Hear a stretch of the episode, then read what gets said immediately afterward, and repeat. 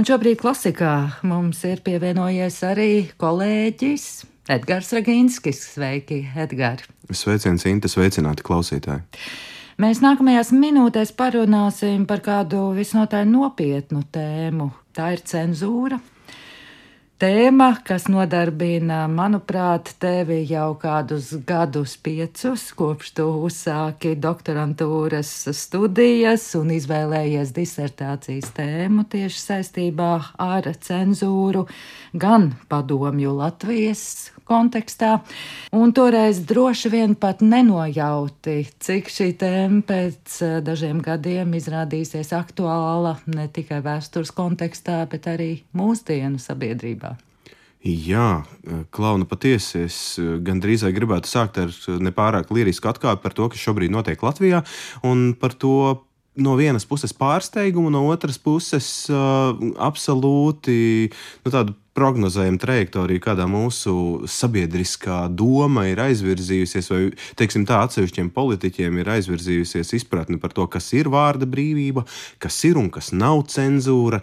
Un kaut kā ļoti ērti vienmēr sakrīt, ka tas, ko viņi dara, tā nav cenzūra. Savukārt tā vārda brīvība, kas it kā ir garantēta satversmē, un it kā es saku, tāpēc, ka teorētiski ir, bet praktiski to aizstāvēt dažreiz ir grūti, tas ir tāds stiepjams jēdziens. Jā. Nu, kādēļ mēs par to runājam? To mēs arī klausītājiem tūlīt pateiksim, jo 25. februārī sāksies tāds publisks sarunu cikls, kas ir veltīts tieši cenzūras tēmai. Un e, pirmā cikla tikšanās jau notiks Liepājas lielajā dzinterā, kameras zālē, kur tu uz sarunu aicināsi arī komponistu Jāni Lūsēnu.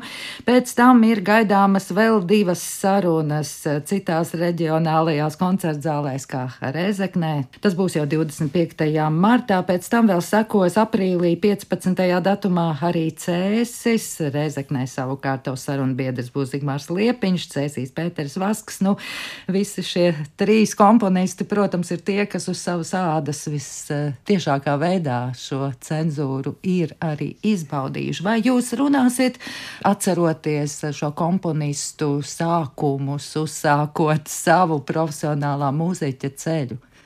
Ar Jāni pilnīgi noteikti mums jau tas sarunas rāmējums ir tāds, ka kā jaunam talantīgam, dūlam, rokmūziķim un arī reizē akadēmiskajam mūziķim ir dzīvot uh, represīva režīma ietvaros, kur viņam ir jādomā, ko viņš drīkst teikt, ko viņš nedrīkst teikt, kādu izpausmi viņš uh, drīkst lietot savā mūzikā, kāda būtu nevēlama.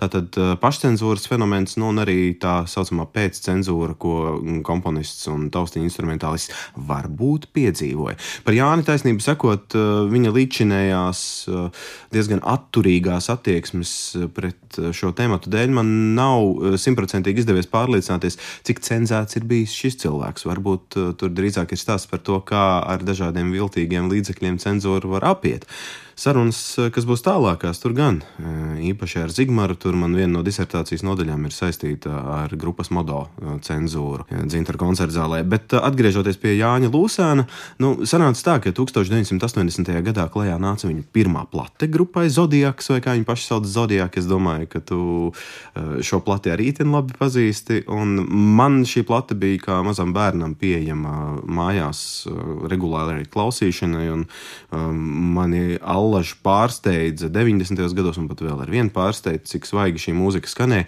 Un tad arī ir interesanti, kā šādas estētikas mūzika varēja skanēt 80. gados Padomju Socialistisko Republiku Savienībā. Nu, redzi, tādēļ saruna, kuru mēs risināsim, manuprāt, ir saistīta arī ar dažu varbūt mazliet stereotipisku priekšstatu vai aizspriedumu demistificēšanu. Un varbūt nemaz nav tik melns tas vēlns, kā to māca mālē, varbūt valns ir pelēks nu, tādā garā. Es teiktu, drīzāk tā tam kokam ir tie divi gali, jo mēs visi arī atceramies, ka šī pieminētā plate jau ieguva milzīgu popularitāti ne tikai Latvijā. To miljonos eksemplāru izpirka visā PSRS. Iespējams, kāds eksemplārs vai nu godīgā vai negodīgā ceļā arī uz rietumiem aizgāja, un tas bija tiešām furors priekš tiem laikiem.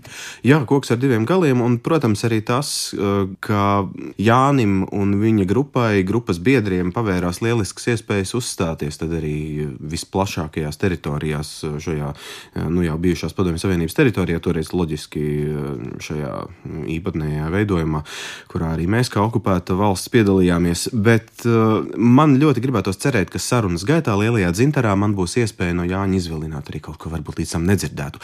Sarunas struktūra būs tāda, ka sākumā es apmēram minūtes desmit, uh, nu varbūt 15 pastāstīšu par cenzūru, tātad kādā ietvarā mēs to saprotam tieši Latvijas uh, PSR kontekstā, uh, kādi bija tās principi un kā tas attiecās uz mūziku, tajā skaitā uz akadēmisko un uz roka mūziku. Un pēc tam eh, es esmu cerību pilns izrunāties eh, krustu šķērsu par eh, šīm tēmām ar Jāni Lūsēnu. Un ļoti priecāsimies arī par to, ja atnākušie mm, uz lielo dzintaru klausītāji arī iesaistīsies sarunā ar saviem jautājumiem, un mēs varēsim nu, gūt tādu jēgpilnu, iedziļinātu priekšstatu par to, ko Jānis ir piedzīvojis, un varbūt mazliet vairot savu izpratni par to laiku.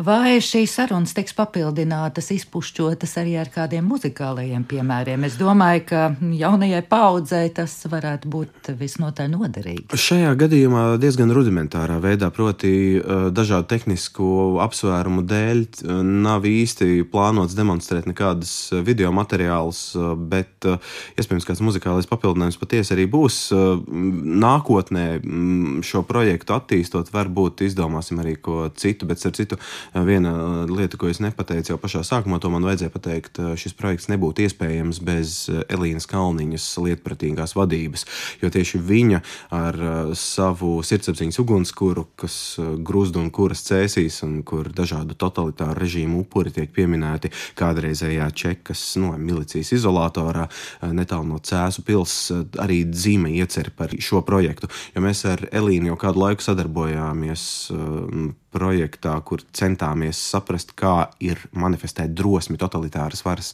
apstākļos. Mums bija desmit sarunas kopskaitā gan ar latviešu etnicitātes, gan ar uh, citu etnicitāšu Latvijas māksliniekiem. Un, uh, tad no tā diezgan loģiski izauga arī tā mūsu uh, tālākā sadarbība mūzikas un mūzikas cenzūras kontekstā, kā šī drosme manifestēs tieši komponistiem, radošiem cilvēkiem padomju laikā. Un jā, Elīnas Kalniņas pieredze, manuprāt, ir neatkarīga neatsverama gan eh, vietu izvēlē, gan eh, tajā, kā mēs ievirzījām eh, tēmas, par kurām runāsim.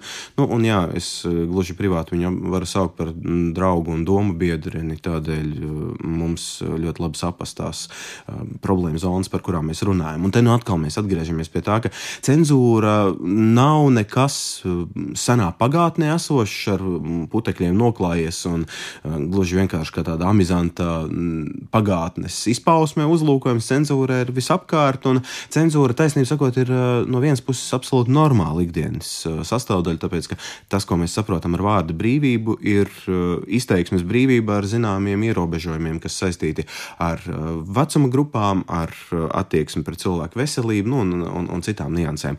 Bet tas, kā cenzūra ir 21. gadsimtā sākus izpausties Latvijas republikā, un mēs esam gan Eiropas Savienības, gan ANO, gan NATO dalību valsts, man šķiet uh, ārkārtīgi specifiska. Un tātad par šo tēmu ir jārunā. Tāpēc, ka līdzīgi kā pārējais laika taisnīgums, jeb angļuiski to terminu sauc transitional justice, gan lustrācija, uh, tā ir tēma, par kuru mēs 90. gadu laikā pārmaiņu periodā neesam pietiekami daudz izpaudušies. Tu kā mūzikas žurnālisti ļoti labi zini, ka mums ir atsevišķs tēma lokus, par kuru mēs vai nu paši izvairāmies runāt ar vecākās paudzes mūziķiem, interpretiem, komponistiem, žurnālistiem, vai arī viņi izvēlas līdz galam nestāstīt, kas tur īsti notika, kas notika kultūras ministrijas un komponistu savienības savstarpējās attiecībās, kāda personība bija Vladimirs Kaupušs un cik daudz laba vai nelaba viņš ir savulaik izdarījis, un kā komponisti piedalījās cenzūras procesos kā upuri, kā cenzētāji vai kā liecinieki. Tā, ka, tā ir tā mana galvenā šī sarunu cikla ideja, līdzās tam, ka, protams, informēt jaunās paaudzes pārstāvis, un te ir tā plaisas sadziedēšana, ka mēs kā dažādu paudžu cilvēki kas dzīvo vienā kultūra telpā, sanākam kopā un varbūt mazliet labāk viens otru izprotam. Bet otra lieta ir runāt par šiem pagātnes notikumiem bez vērtējoša zīmoga, kas uzspiež vienam uz pieres birku varonis, otram nelietis, nu, kaut ko tikpat groteski primitīvu, bet vienkārši saprast, kā tad īsti dzīvoja mūsu priekšteči, kā dzīvoja komponisti, kā dzīvoja mūziķi. Jā, šī tēma šobrīd tiek skarta arī daudzu vēsturnieku runās, un viņi saka, ka tā objektīvi varbūt uz vēsturi varēs paskatīties tad, kad būs pagājuši kaut kādi simts gadi. Kad tu skaties šajā griezumā, kas ir tev varbūt kā pētniekam, ko var tā precīzāk nofiksēt, vai to, kas ir senāk noticis tajos 40. gados, vai grūti tikt varbūt eh, klāt tam, kas ir bijis tajos 80. gados, vai pat 90. gadu pašā sākumā, arī tad vēl cenzūra pastāvēja. Mm -hmm. Nu, zini, ja attiecinām tavu jautājumu uz posmu, kur es pētu primāri, tātad Padomju Savienības sākums no 41. gada līdz pat 90. gadam, tad nu, vienlīdz grūti, taisnība sakot, ir pētīt visu laiku cenzūru un cenzūras darbību LPSR. Tā iemesla dēļ, ka cenzūras fenomens Padomju Savienībā un toskat arī Latvijas PSR bija saistīts ar sistemātisku jebkāda veida dokumentālu pierādījumu un pēdu dzēšanu. Tātad uh, bija jāiznīcina gan cenzējamais priekšmets, uh, gan pašiem cenzoriem pēc kāda gada bija jāizdzēš arī cenzūras žurnāli, ka vispār kaut kas tāds ir bijis. Es esmu strādājis Latvijas valsts arhīvā un rakstniecības un mūzikas uh, muzeja krātuvē, un tur gadās atrast komponista savienības, kultūras ministrijas un citos fondos pa kādam interesantam paraugam, kas vēl acīm redzot bija tā laika ierēģiem šķitis ok, ka, ka, tā, ka to drīkst saglabāt nākamībai. Bet kopumā tie gadījumi, par kuriem es runāju, tie nav dokumentēti. Ar, man šķiet, vienu izņēmumu ar to pašu jau pieminēto Zigmaru Liepiņu, kura grupas modo cenzūras gadījums un Vladimira Kaupuža paša rīkojums uz trim lapām Krievu valodā, kā jau tajā laikā bija ierasts uh, oficiāli saraksti veidot, un dokumentācija viņam tika piedāvāts. Viņam, teiksim tā, ar uh, labu gādīgu cilvēku starpniecību viņš nonāca līdz šiem dokumentiem, bet pārsvarā tas ir ļoti tāds obskūrs, jeb slēpts eh, un, un rūpīgi, sistemātiski slēpts uh, pasākums. Cenzūra, uh, starp citu, atklātāka un kontrolējamāka un fiksējamāka bija cara laika Krievijā, un tajā skaitā pēc tam arī neatkarīgajā Latvijas republikā, jo bija pietiekami skaidri nosacījumi, kas derēja, kas nederēja, kas atbilda kritērijiem, kas neatbilda kritērijiem.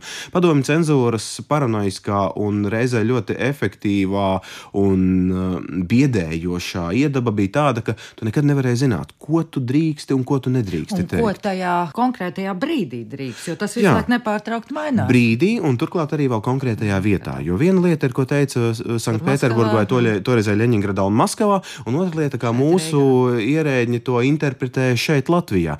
Un te nu tiešām viss bija atkarīgs no personīgām attiecībām, no gara stāvokļa un, nezinu, no mēnesis fāzēm, jo varēja būt maigāka attieksme nekā ir bijis tur galvgalā galī hierarhijas pašā augstākajā punktā, un varēja būt arī skarbāka attieksme, lai uzkalpotos, lai kā Arnolds Klotiņš, kurš, eh, kā zināms, gan cenzūru, gan arī eh, vispār mūziku tajā pašā staļinismu laikā ir pētījis, viņš izsakās, viņam tāds labs jēdziens ir iztapšana, lai iztaptu un muguru nu, palocītu tieši tādā veidā, lai pašam būtu izdevīgi. Ja. Nu, labi, ideoloģijas cīnītāji, protams, arī bija kā katrā laikā tādi ir, bet, eh, teiksim tā, nav dižani viegli pētīt cenzūru Latvijas PSR, bet interesanti gan. Plus vēl arī skaidrs ir tas, ka arī tad, kad es būšu savu disertāciju pabeidzis, un to es plānoju līdz mājām izdarīt un uh, iesniegt un aizstāvējis, tas noteikti nebūs visaptvarošs un precīzs pārskats par cenzūru. Tas būs drīzāk tāds darba iesākums, ko es ļoti ceru, ka turpinās citi. Un šeit es vēl varu pateikt lielu paldies arī Jāzepa Vito Latvijas Mūzikas akadēmijai, gan prorektorai Andai Beitānei, gan Zinātniski pētnieciskā centra koordinātorai Ilzai Cepurniecei, kuras uzrunāja mani gan iesaistīties kā pētnieku mūzikas akadēmijas saimē, gan arī lasīt lekcijas par cenzūras teoriju Un par cenzūras vēsturi man ir ļoti interesanti iedarboties eh, gan ar latviešu, gan ar angļu plūsmas studentiem un uzzināt viņu priekšstatus, viņu iespaidus, viņu domas. Nevis no kaut kādas iedomātas superautoritātes ziloņkaula torņa, bet no tāda cilvēka, kurš ir par kaut ko domājis, bet neuzskata, ka viņa vai šo, nu, mana eh, doma un doma gājiens ir nekļūdīgs eh, pēdējā patiesības instance un kur neko nevar izdarīt. Nu, tas nebūtu zinātnisks darbs, bet šajā gadījumā es ļoti, ļoti priecājos, ka es varu no dažādiem rakursiem paraudzīties uz cenzūru. Un, ja tu teici par sestdienas sarunu ar Jāni Lūsēnu, vai tur būs papildinājums, nu, galvenais papildinājums, es ļoti ceru, tiešām būs šī saruna un interakcija ar jauniešiem, kuri ceru atnāks no Emīļa Melngaļa Liepājas muzikas vidusskolas, ko gan tagad sauc vēl garākā vārdā.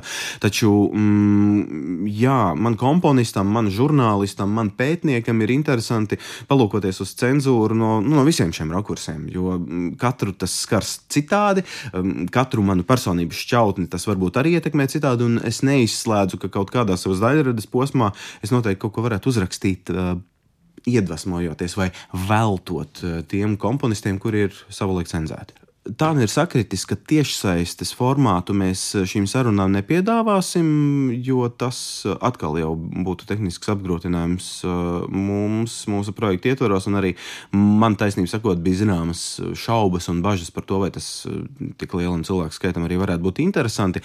Taču uh, varbūt kaut kā dokumentāli mēs tomēr sarunu fiksēsim kaut kādā audio formātā, ja tas pats Jānis Lūsēns piekritīs šādai afērai. Un, ja ir vēlēšanās gūt papildu informāciju gan par sarunu, kas sestdien norisināsies Liepājas lielajā dzintarā, gan arī pēc tam Gorā 25. martā un vēl aprīlī ar Pēteru Vasku Cēsīs, Vidzemes koncerta zālē Cēsīs, tad droši var lūkot eh, Facebook sociālās vietnes profilā Sirdsapziņas ugunskurs, jo tur Elīna regulāri papildina informāciju. Tur, protams, ir arī citas aktualitātes, bet lūk, šī saruna cikla plājas sadziedēšanas trīs tikšanās, par tām noteikti būs arī vairāk informācija atrodama pieejama internetā. Noslēgumā vēl gribētu tevi jautāt, vai visi trīs komponisti tā viegli atsaucās tavam uzaicinājumam? Vai bija... šī ir lieta, par ko viņi gribēja paši arī runāt? Nekas nebija slēpjams. Zini, visvieglāk atsaucās uh, mans skolotājs Pēteris Vasks, un viņam par to sirsnīgi pateicība, jo mēs ar viņu runājām jau iepriekš manas disertācijas uh, materiāla vākšanas sākuma posmā, un uh, taisnība sakot, man tā ļoti neveikli, ka toreiz mums saruna, kur es ierakstīju, pēc tam man izgājas no, no man telefona. Es lieku liels cerības uz to, ka mums 15. aprīlī tomēr izdosies aprunāties un uh, cerams, ka mums uh, veiksies labi. Bet uh, Zigmaru un Jāni, jā, tur bija mazliet grūtāk. Tur bija ar viņiem jāvienojas. Un tagad, kad vēl sarunā ar Zigmaru ir izskanējis klasikas raidvilni, tad man šķiet, viņam atkāpšanās ceļa nekāda varētu arī nebūt vairs no šīs mūsu uh, runas. Un turklāt, ņemot vērā, ka Zigmars ir pats uzrakstījis uh, grāmatu, un tur arī ir ļoti daudz saistošas informācijas par laikmetu, kas mums ir relevants uh, mūsu sarunām, tad uh, es ļoti ceru, ka visas šīs trīs sarunas būs uh, jēgpilnas pilnas un potenciāli plašai sabiedrībai interesantas. Nu, Edgars Ragīnskis šeit pievienojās mums šodien klasikas ēterā. Paldies! Paldies, Inta!